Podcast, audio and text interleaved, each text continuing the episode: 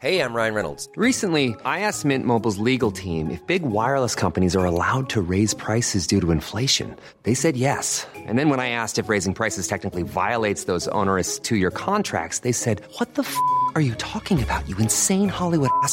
F- So to recap, we're cutting the price of Mint Unlimited from $30 a month to just $15 a month. Give it a try at mintmobile.com slash switch. $45 upfront for three months plus taxes and fees. Promo rate for new customers for limited time. Unlimited more than 40 gigabytes per month. Slows. Full terms at mintmobile.com. Millions of people have lost weight with personalized plans from Noom, like Evan, who can't stand salads and still lost 50 pounds. Salads, generally, for most people, are the easy button, right? For me, that wasn't an option. I never really was a salad guy. That's just not who I am. But Noom worked for me. Get your personalized plan today at Noom.com. Real Noom user compensated to provide their story. In four weeks, the typical Noom user can expect to lose one to two pounds per week. Individual results may vary. Hey, it's Ryan Reynolds, and I'm here with Keith, co star of my upcoming film, If, only in theaters, May 17th. Do you want to tell people the big news? All right, I'll do it. Sign up now and you'll get unlimited for $15 a month in six months of Paramount Plus Essential Plan on us. mintmobile.com slash switch. Upfront payment of $45 equivalent to $15 per month. Unlimited over 40 gigabytes per month. Face lower speeds. Videos at 480p. Active Mint customers by 531.24 get six months of Paramount Plus Essential Plan. Auto renews after six months. Offer ends May 31st, 2024. Separate Paramount Plus registration required. Terms and conditions apply if rated PG.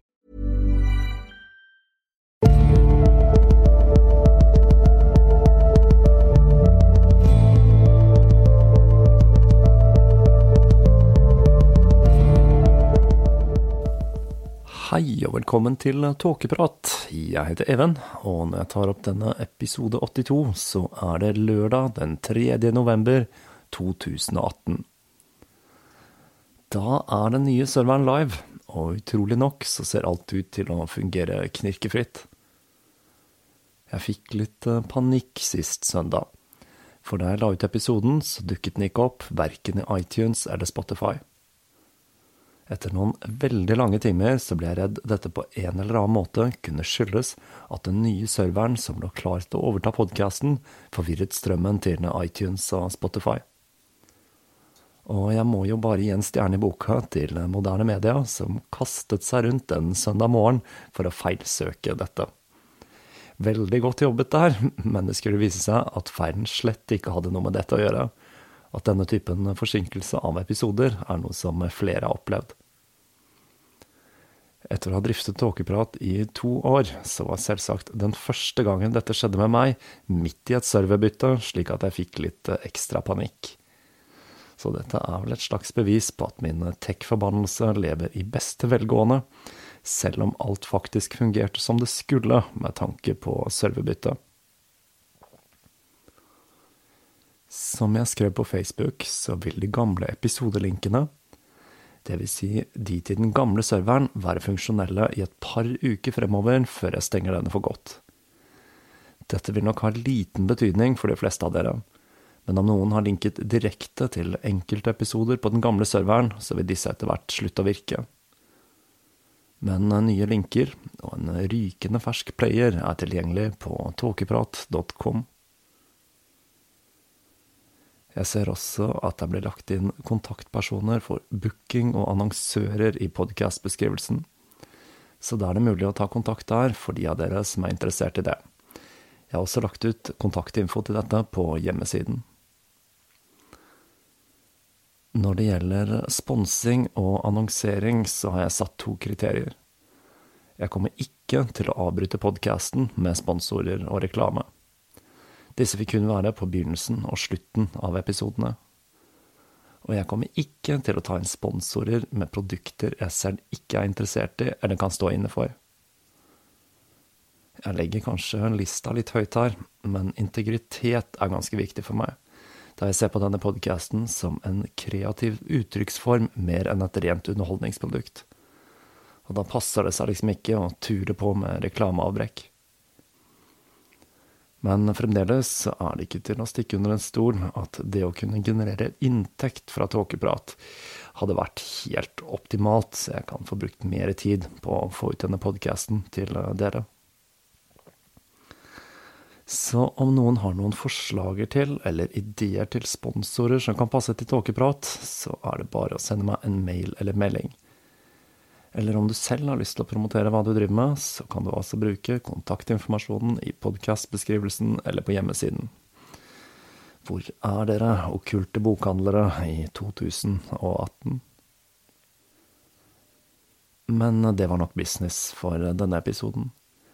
Nå skal vi tilbake til Gerald Gardner. I denne episoden skal vi se nærmere på den siste delen av livet hans, før han blir initiert i en mystisk gruppe som omtalte seg selv som Vika.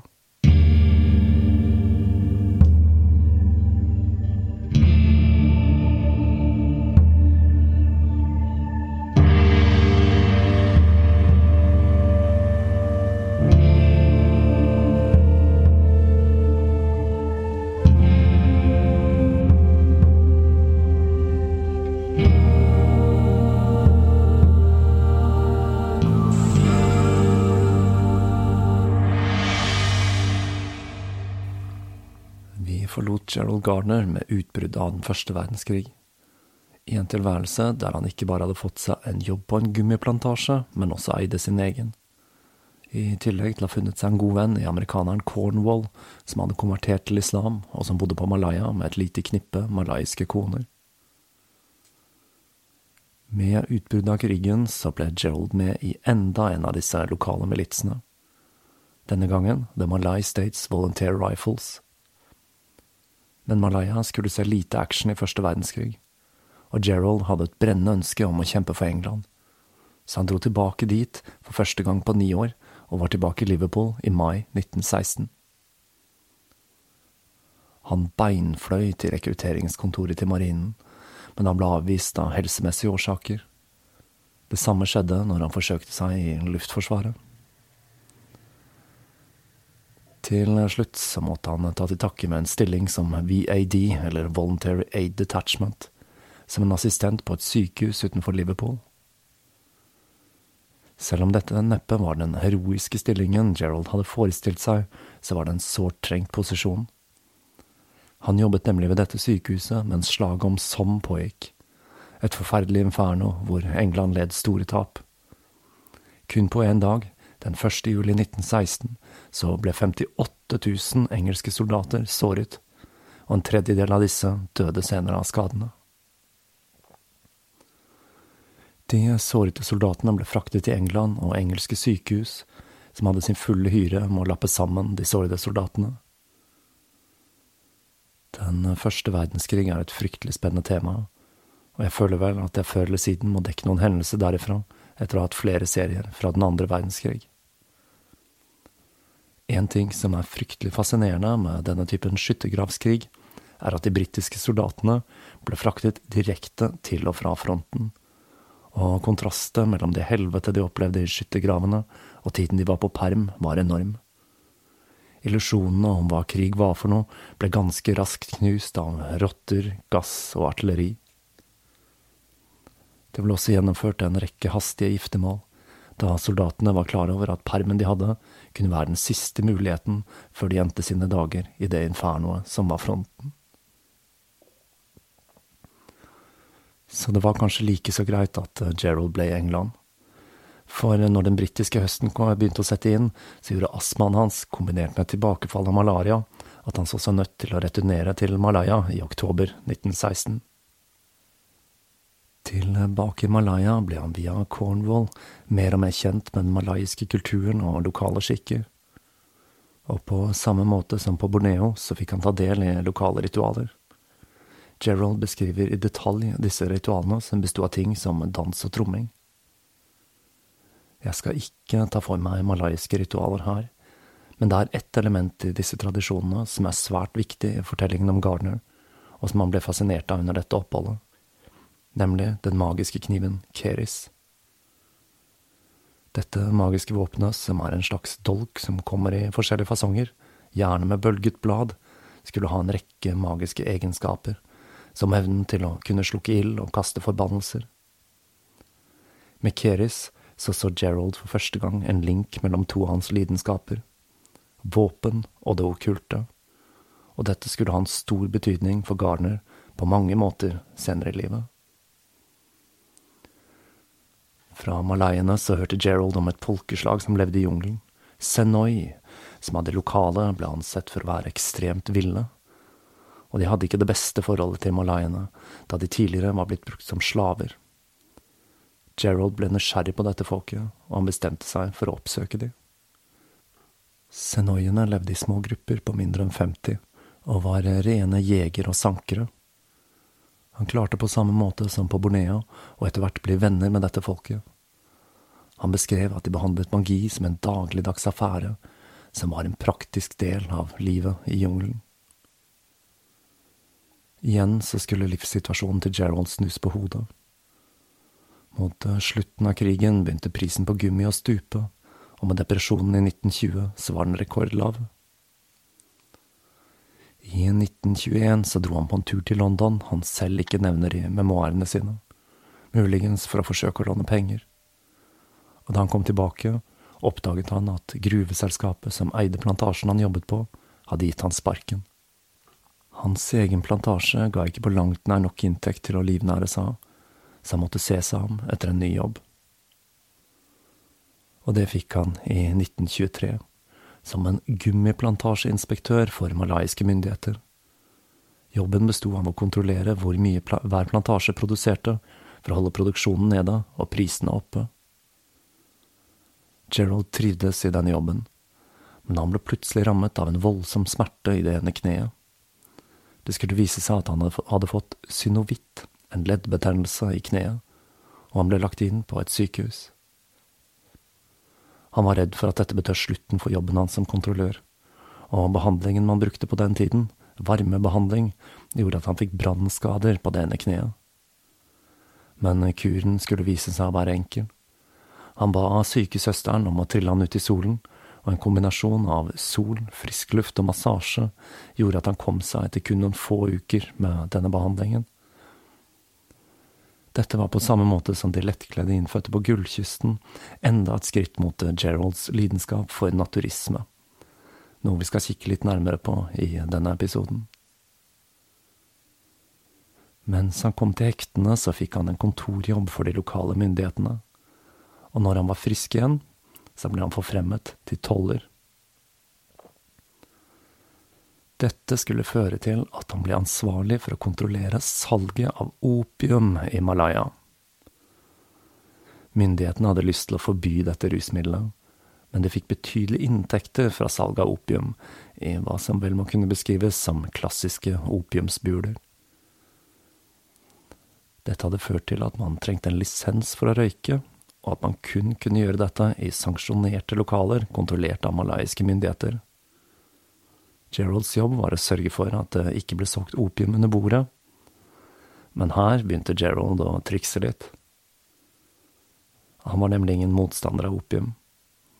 Han mente at det som ble sagt om stoffet, var propaganda, og at det i motsetning til alkohol hadde en rekke positive effekter og kunne brukes i behandling av ting som tuberkulose, og at det styrket immunforsvaret. Jeg er nok delvis enig i Geralds vurdering av opium som langt mindre farlig enn hva propagandaen forteller oss. Men her er det vel kanskje på sin plass å si at han samtidig så på cannabis som et vilt farlig rusmiddel, og der skurrer det vel litt for meg. Jeg, vel, er vel heller ikke helt på nett med de påstandene om medisinske effekter som han kom med. Men, men. Uansett, Gerald skal ifølge enkelte kilder ha tjent store penger på å ta imot bestikkelser for å se den andre veien når det foregikk ulovlig salg av opium. Og ikke minst fordi han bisto med smugling av stoffet ut av landet. Og det blir sagt at det var på denne måten han tjente brorparten av pengene sine på Malaya. Og jeg må jo si at det er et lite gullkorn av Gerald Garner-Lore. Altså Garner som en uærlig toller. I 1927 dro Gerald igjen tilbake til England. Denne gangen hadde han to motiver. For det første så var faren hans blitt dement, og i november det året så skulle han dra til Tenerife, hvor han skulle tilbringe de neste åtte årene før han til slutt døde der. Den andre faktoren som gjorde at Gerald igjen dro hjem, var at han var på jakt etter kjærligheten. Han følte at tiden var inne for å finne seg en kone. Dette var en tung tid for Gerald. Ikke bare var det vanskelig å se faren hans drive inn i demensens tåke, men Gertrude, som han hadde hatt et så nært forhold til, hadde dødd av livmorhalskreft i 1922, og Nelly var fremdeles svært nedbrutt etter mannen hennes hadde dødd to år tidligere. Gerald søkte etter svar, og siden en bølge av spiritisme sveipet over de britiske øyer på denne tiden, og Gerald var svært fascinert av dette fenomenet, ikke bare på grunn av sin kjennskap til Mariats There Is No Death, men også på grunn av sitt møte med ånder fra det hinsidige i ritualene på Borneo. Det fantes plenty med såkalte spiritistkirker i området rundt Liverpool, og Gerald oppsøkte en av disse, men han ble ikke imponert. Det han var vitne til, var hva vi i dag kjenner til som cold reading, altså en form for mentalisme der mediumet får personer som ønsker å få kontakt med sine avdøde slektninger, til å tro at de er i kontakt med disse ved å mate dem med informasjon de allerede har gitt mediumet, uten at de selv er klar over det. Men han ga ikke opp, og etter å ha spurt litt rundt, så fant han ut at de beste mediumene opererte i London. Han bestemte seg for å oppsøke James Hewitt McKenzie, som hadde et rykte som et svært dyktig medium. Denne gangen bestemte han seg for å ta alle forholdsregler for at mediumet ikke skulle vite noe om han på forhånd.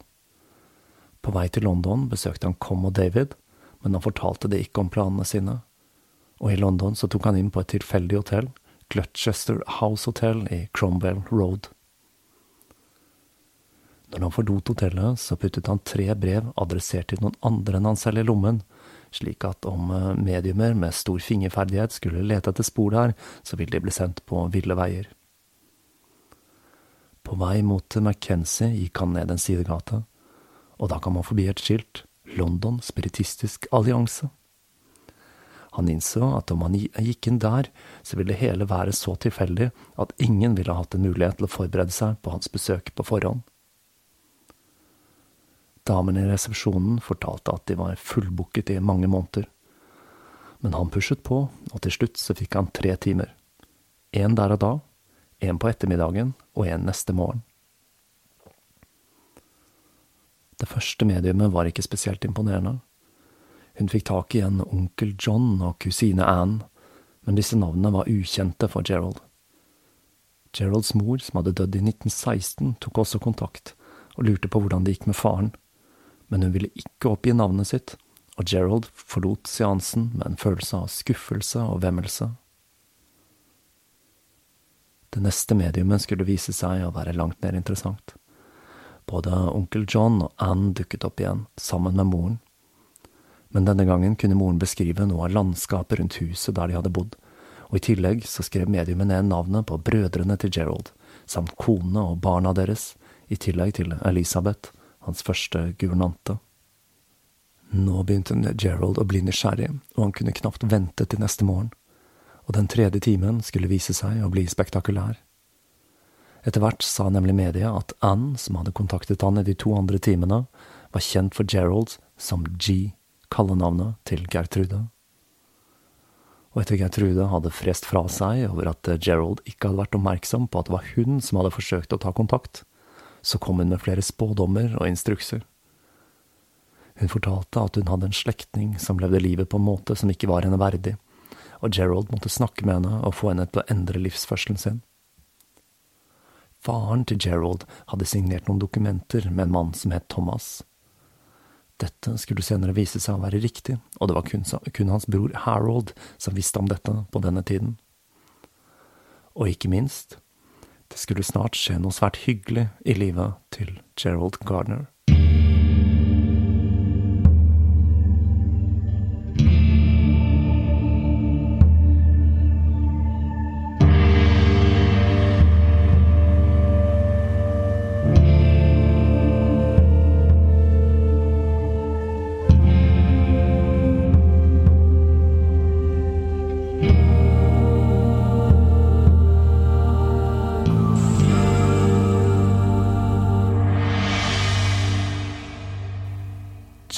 Fått adressen til søsteren til sin brors kone, Ida, som han kunne besøke når han var i London. Og når de to møttes, så fortalte hun om sin søster Dorothea, som gikk under kallenavnet Donna. som ikke bare jobbet som sykepleier i London, men hun var også singel. Her lukter det lang vei at Harold og Ida samarbeidet for å føre Garner og Donna sammen. For Ida foreslo at de tre skulle dra på teatret den kvelden. Og med det så ble Gerald hodestups forelsket i Donna. Når de møtes neste dag, så forærte han henne et sigarettetui, og her er det lett å se for seg at dette inneholdt en romantisk beskjed fra Gerald. Dagen etter ventet han utenfor sykehuset hun jobbet på, og da hun endelig kom ut, spaserte de to langs Themsen, og Gardner sa, Du skal bli med meg tilbake til Malaya, som min kone. Og hun svarte ja, men dette bød på visse problemer, for han ville gifte seg en fei siden han snart måtte tilbake til Malaya, og hun ønsket et kirkebryllup, og det tok tid å få til. I tillegg så motsatte både familien og Donnas sjef seg det hele. Men for å gjøre en lang historie kort, så giftet de to seg den 16. august 1927 i St. Jude's Church, og Gardner sendte et telegram til Malaya og ba om to måneder ubetalt fri, noe han hadde krav på siden han hadde giftet seg. De dro på en kort bryllupsreise til Isle of Wight før de dro til Blundell Sands, hvor Gerald til sin forbløffelse ikke bare oppdaget at han faktisk hadde hatt en onkel John som døde når han var svært ung, men da han oppsøkte denne slektningen til Gertrude, som levde et upassende liv, så brast hun i gråt da han hørte at Gertrude hadde kalt seg selv Anne. For det fulle navnet hennes var Anne Gertrude Williams, noe Gerald ikke visste. De to dro på en liten rundreise før de satte kurs mot Singapore, hvor de gikk i land julaften. Gerald og Donna bosatte seg i en bungalow i Bukit Japon, og broren, som var svært skeptisk til Gerald, fulgte snarlig etter da han plutselig hadde fått seg en jobb ved Det medisinske instituttet i Singapore. Jobben til Gerald, altså å sjekke at opiumsbulene ikke omsatte ulovlig, gjorde at han reiste land og strand rundt, og han ble mer og mer fascinert av kulturen og menneskene. Et område han til stadighet reiste gjennom, var Yahur Lama, som hadde vært hovedsete til Yahur-sultanatet på 1500-tallet. Og nysgjerrigheten hans gjorde at han begynte å utforske området, og etter hvert innså at noen forhøyninger i landskapet slettes ikke var naturlige, men rester av et gammelt festningsverk. Oppglødd av sitt nye funn, så dro han til Raffles-museet i Singapore og fortalte hva han hadde funnet. Men de kunne fortelle han at de visste at det ikke var noe der, og det var derfor ingen grunn til å undersøke saken nærmere. Og med det startet Gerald Gardner på sin karriere som arkeolog. Man kan si mye rart om Gerald Gardner, men driftig, det var han altså. Han visste at han neppe ville få en tillatelse til å starte med utgravninger, og bestemte seg for at det var lettere å be om tilgivelse enn tillatelse og for å få hjelp til oppgaven med å grave ut ruinene, så rekrutterte han en rekke barn fra nærliggende landsby, da han anså barn for å være mindre mistenksomme, og at det var mindre sannsynlig at de ville spre rykter om utgravningen. Utgravningene, som skulle vare fra 1928 til 32, skulle bre seg ut av området rundt Jahor Lama, og Gerald hevdet også å ha funnet Singapura, byen som hadde gitt sitt navn til Singapore, i tillegg til at han gjorde flere utgravninger i Sayong Piang. Gerald. Hey, I'm Ryan Reynolds. Recently, I asked Mint Mobile's legal team if big wireless companies are allowed to raise prices due to inflation. They said yes. And then when I asked if raising prices technically violates those onerous two year contracts, they said, What the f are you talking about, you insane Hollywood ass? So to recap, we're cutting the price of Mint Unlimited from $30 a month to just $15 a month. Give it a try at mintmobile.com slash switch. $45 upfront for three months plus taxes and fees. Promo rate for new customers for limited time. Unlimited more than 40 gigabytes per month. Slows. Full terms at mintmobile.com. I'm Sandra, and I'm just the professional your small business was looking for. But you didn't hire me because you didn't use LinkedIn jobs. LinkedIn has professionals you can't find anywhere else, including those who aren't actively looking for a new job but might be open to the perfect role, like me. In a given month, over 70% of LinkedIn users don't visit other leading job sites. So if you're not looking on LinkedIn, you'll miss out on great candidates like Sandra. Start hiring professionals like a professional. Post your free job on linkedin.com/achieve today. hadde jo ingen arkeologiutdannelse.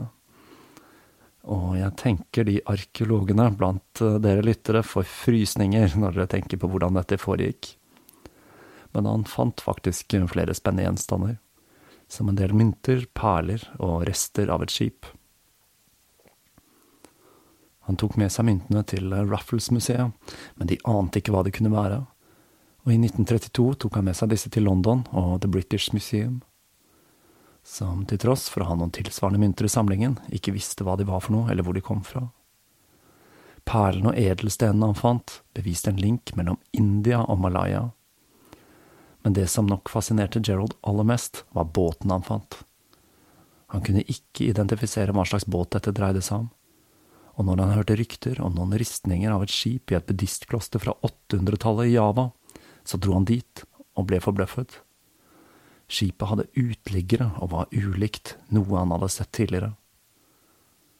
For å danne seg et bilde av hvordan disse skipene en gang hadde vært, så bygget han en modell basert på ristningene og hva som fremdeles eksisterte av malayisk båtbyggetradisjon. Dette ble en tomaster som kunne ha vært tegnet til lengre handelsreiser. Gerald tok med seg modellen til Raffles-museet, og til hans store overraskelse så ble han ikke avvist denne gangen men de ville faktisk gjerne stille ut modellen, og Gerald ble mer og mer besatt av ideen om å bevise at det fantes en prehistorisk malayisk kultur. Senere skulle det vise seg at mange av Geralds antagelser faktisk var riktige, men båten som hadde fascinert han så voldsomt, skulle vise seg å være et kinesisk skip som ikke var stort eldre enn 100 år gammelt når Gerald gravde det frem. Han begynte sakte, men sikkert å få mer anerkjennelse, og når sir Richard Winstead ble administrator i Yahore i 1931, så begynte han å etablere et rent malayisk skolesystem for befolkningen, og han var svært interessert i malaysk historie og i Geralds arbeid. I tillegg fikk Raffles-museet en ny direktør, Fredrik Nøtter Chasen, i 1932, og han og assistenten hans, Dennis, Dennis Collongs, var langt mer hjelpsomme og sympatiske overfor Gerald enn deres forgjengere. Dette markerte et skille i livet til Gerald Garner. Frem til nå hadde han sett på seg selv som kolonist og plantasjearbeider. Nå begynte han å betrakte seg selv mer og mer som arkeolog og antropolog. Han begynte å skrive flere artikler om funnene sine, og søkte medlemskap i flere prestisjetunge selskap, og i 1936 skulle han bli et medlem av The Royal Anthropological Institute, noe som er ganske imponerende, og nok føltes godt for Gerald, som manglet en formell utdannelse. Han bestemte seg for å delta på en konferanse i London, International Congress of Prehistoric and Protohistoric Sciences, som skulle avholdes i London den 6. august 1932. På vei dit bestemte han seg for å ta en snartur innom Gaza for å hilse på sir Flinders P3, en av de mest fremtredende arkeologene i samtiden. Det som skilte Petri fra sine kollegaer, var at han var en av de første arkeologene som var mer enn en glorifisert gravrøver. Han gikk systematisk til verks, og utviste en stor interesse for selv små detaljer som kunne fortelle noe om livet til de som en gang hadde levd der. Han oppmuntret Gerald til å fortsette med arbeidet i Malaya, og sa at arkeologer var blant de mest misunnelige menneskene i verden. På konferansen i London skulle Gerald bli kjent med en rekke prominente antropologer og arkeologer. Her må jeg vel bare nevne nordmannen og arkeologen Anton Wilhelm Brøgger, som senere skulle tilbringe en del tid på Grini under den tyske okkupasjonen fordi han motsatte seg nazistene. Av forelesninger så er det to som stikker seg ut med tematikk som Gerald nok ville være spesielt interessert i. Den første var av Miss VCC Collum og handlet om utgravninger i Britannia av en gravplass fra tidlig jernalder. I denne utgravningen hadde man funnet et relieff med to par bryster, et som tilhørte en ung kvinne og et som tilhørte en mor. Hun mente at disse kunne representere en verdensomspennende kult knyttet til det feminine, guddommelige. Den andre forelesningen, som nok var svært spennende for Gerald, var doktor Propyrios Dikaiosen om bronsealderkulter på Kypros. Han fortalte også om kulten til morgudinnen på samme måte som Colum, og nettopp Kypros og gudinnekulter der var noe som veldig snart kom til å oppta Gerald Gardner. Etter å ha menget seg med eliten av antropologer og arkeologer, så dro Gerald og Donna tilbake til Singapore i 1932. Etter to år til der dro Gerald på en rundreise til Vietnam, Kambodsja og Kina, før han deltok på en kongress for prehistorisk forskning i Manila i februar 1935. Gerald var ikke imponert over de andre arkeologene der. Hans egen tro på seg selv ble styrket når han innså at han kunne måle seg med hvem som helst av de andre arkeologene.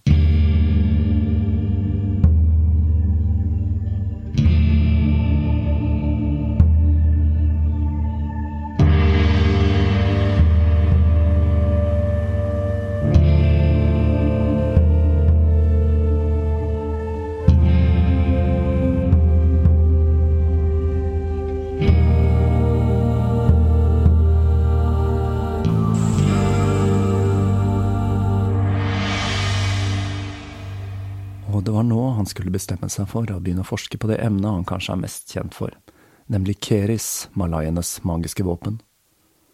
Det fantes svært lite litteratur om denne kniven han hadde sett blitt brukt i rituelle danser hos Cornwall, og ved hjelp av Cornwall så kom han i kontakt med en rekke malayere som viste han kerisene sine og fortalte han det de visste om våpenet.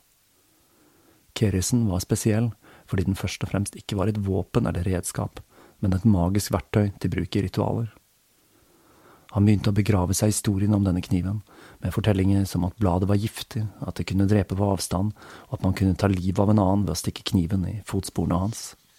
Mens han samlet kunnskap om Kerisen, og ikke minst skaffet seg sin egen samling med dette magiske våpenet, en samling som til slutt kom til å bestå av 400 eksemplarer, så innså han at han hadde tilstrekkelig med tidligere ukjent informasjon til å kunne publisere sin egen bok og han fikk mye støtte fra flere venner og kollegaer til å begynne dette arbeidet.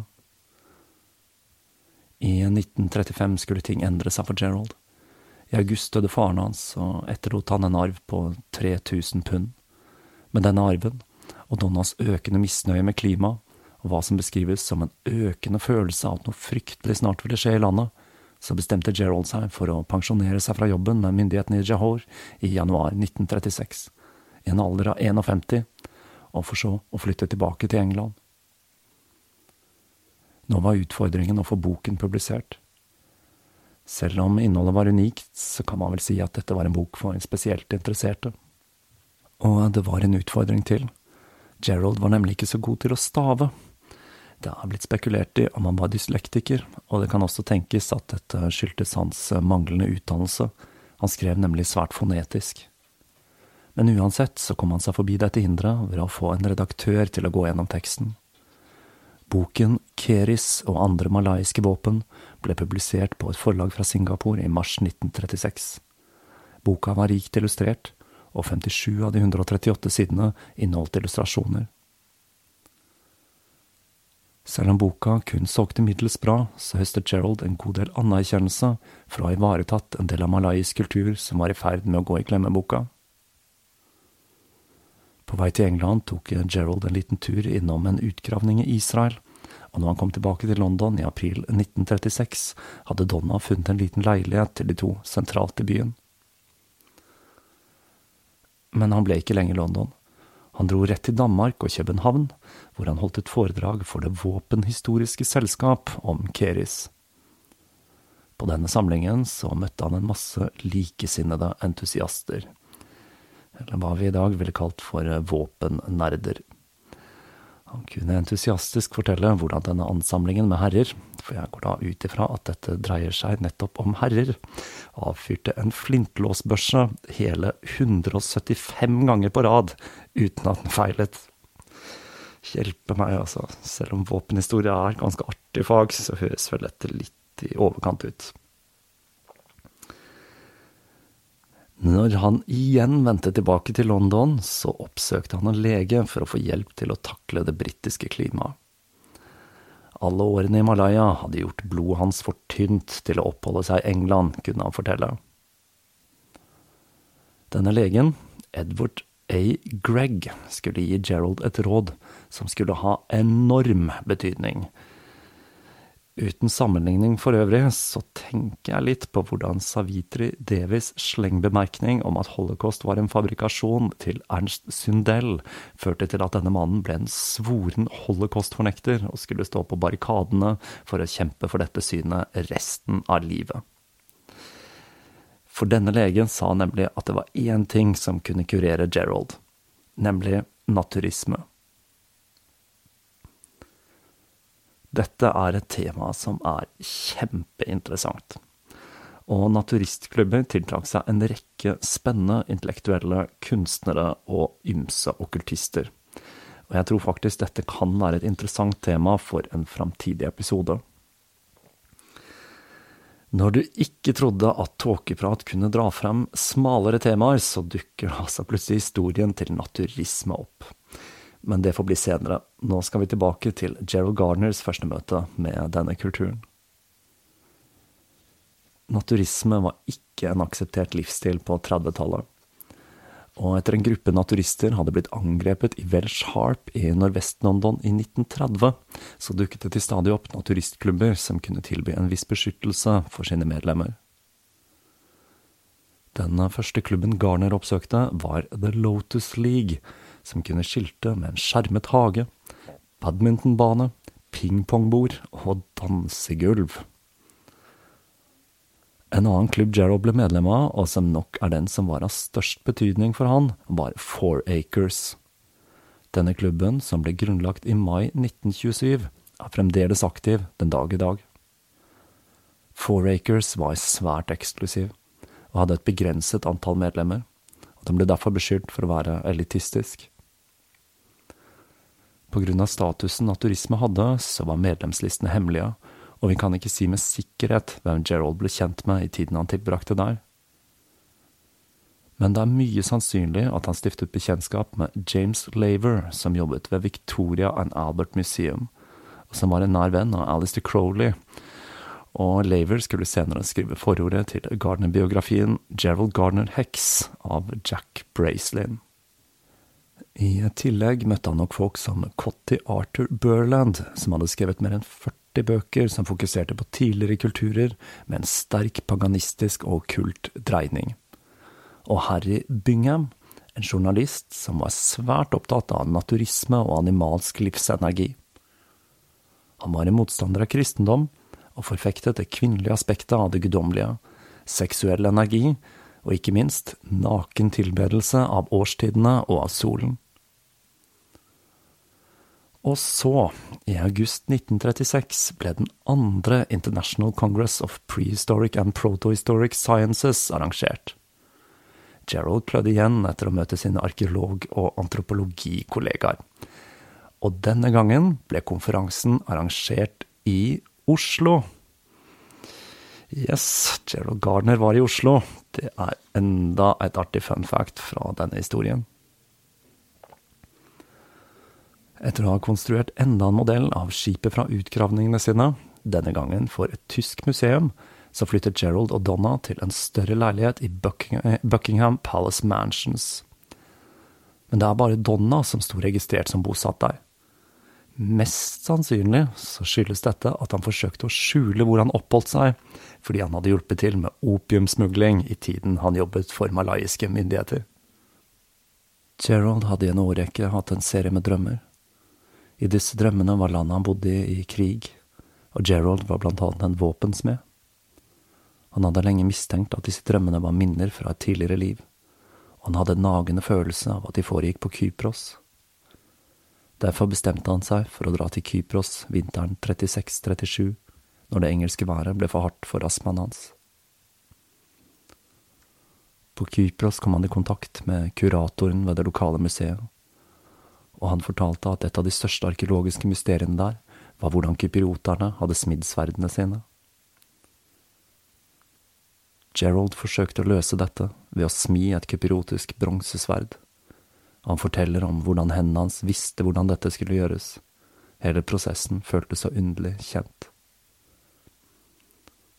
Dette førte til en vitenskapelig artikkel, og en ting til. Han var nå overbevist om at han hadde vært en våpensmed på Kypros i et tidligere liv. Den påfølgende sommeren i England tilbrakte han mye tid i Four Acres. Og så gjorde han en ting til som må kunne sies å være en av hans mindre ærbare bragder. Det at han manglet en formell utdannelse, plaget nemlig Gerald veldig. Og selv om han hadde skrevet Keris og andre malaiske våpen, så var det ingen universiteter som ville gi han en tittel. Så han kjøpte seg en doktorgrad i filosofi fra en tvilsom amerikansk institusjon, og etter dette skulle han begynne å omtale seg selv som doktor Gardner. Jeg er så barnslig at jeg syns det å kjøpe seg en tittel som baron eller greve er litt stilig, jeg, da. Men akademiske titler, det blir jo en litt annen greie. Her må jeg kanskje tipse om verdens minste nasjon, fyrstedømmet Sealand. Dette er en plattform i Nordsjøen fra andre verdenskrig, som ble annektert i 1967 og erklært som en egen nasjon.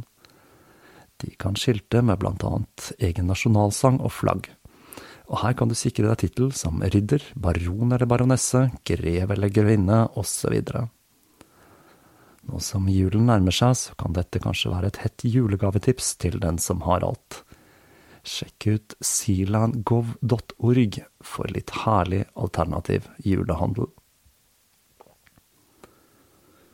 Med en rykende fersk doktorgrad i sekken, så bestemte han seg for igjen å tilbringe vinteren på Kypros.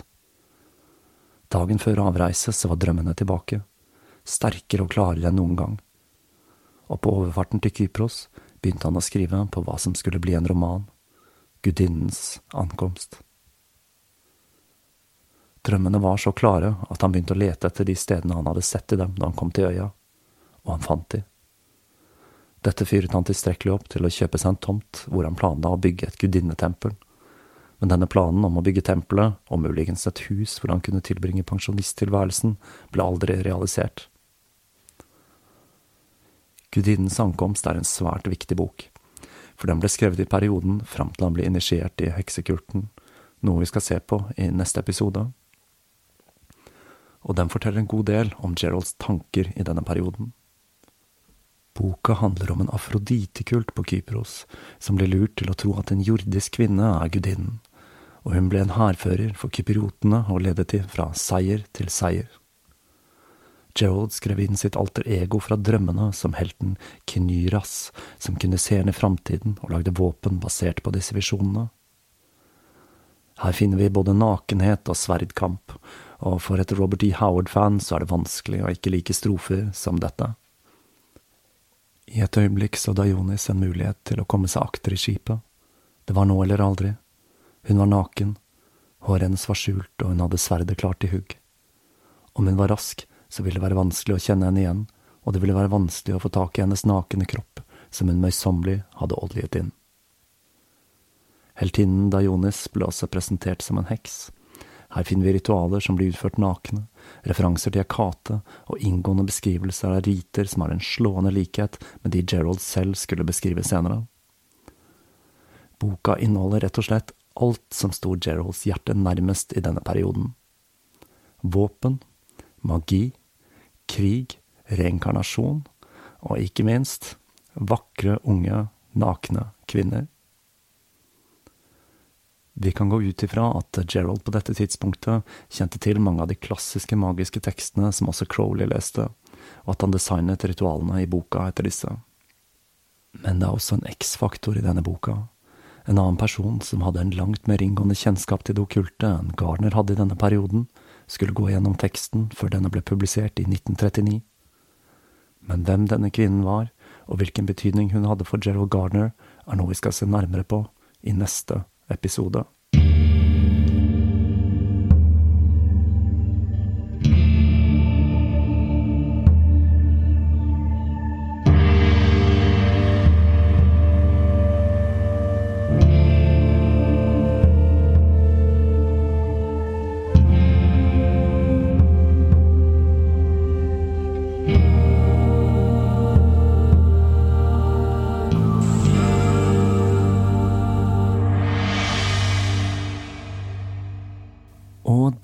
Avslutter vi denne episoden. Fram til nå har dette vært en historie om en engelskmann som driftet plantasjer og drev med alternativ arkeologi. En historie som er spennende nok i seg selv, Men fra og med neste episode så kommer denne fortellingen virkelig til å ta av med Geralds første møte med heksekulten. Så nå er det bare å ta et godt tak i sopelimen og holde fast på heksehatten, for i neste episode skal jeg se nærmere på en av de mest kontroversielle hendelsene i livet til Gerald Gardner, nemlig hans initiering inn i The New Forest Coven. Dette er en fortelling jeg har grugledet meg til å nøste opp i, men jeg tror en nærmere analyse av Geralds fortelling om hans initiering vil overraske og tilfredsstille både skeptikere og tilhengere av Gerald Gardner. Så langt ser det ut til at denne serien blir akkurat så lang som jeg har forutsett. Det er så mange elementer jeg føler at det er viktig å få frem for å male det komplette bildet av denne mannen. Den delen av livet hans jeg har tatt for meg frem til nå, danner et svært viktig fundament for hvem han skulle bli senere. Igjen så er dette en historie om en mann som får sitt store gjennombrudd litt senere i livet, på samme måte som Timothy Leary. Og dette understreker vel at det er aldri for sent å snu livet sitt på hodet, enten for å bli et kulturelt ikon for den psykedeliske bevegelsen, eller som grunnleggeren av en ny magisk orden. Carpe diem, quam minimum credula postero, kjære lyttere. Og fram til neste episode så vil jeg atter en gang oppfordre til å gi Tåkeprat en god rating. Det er med på å gjøre andre oppmerksomme på podkasten ved å gjøre den mest synlig. I tillegg til å følge på sosiale medier, spre det glade budskap, eller kanskje til og med bli en patrion. Linker og info finner dere som vanlig på tåkeprat.com. På gjenhør.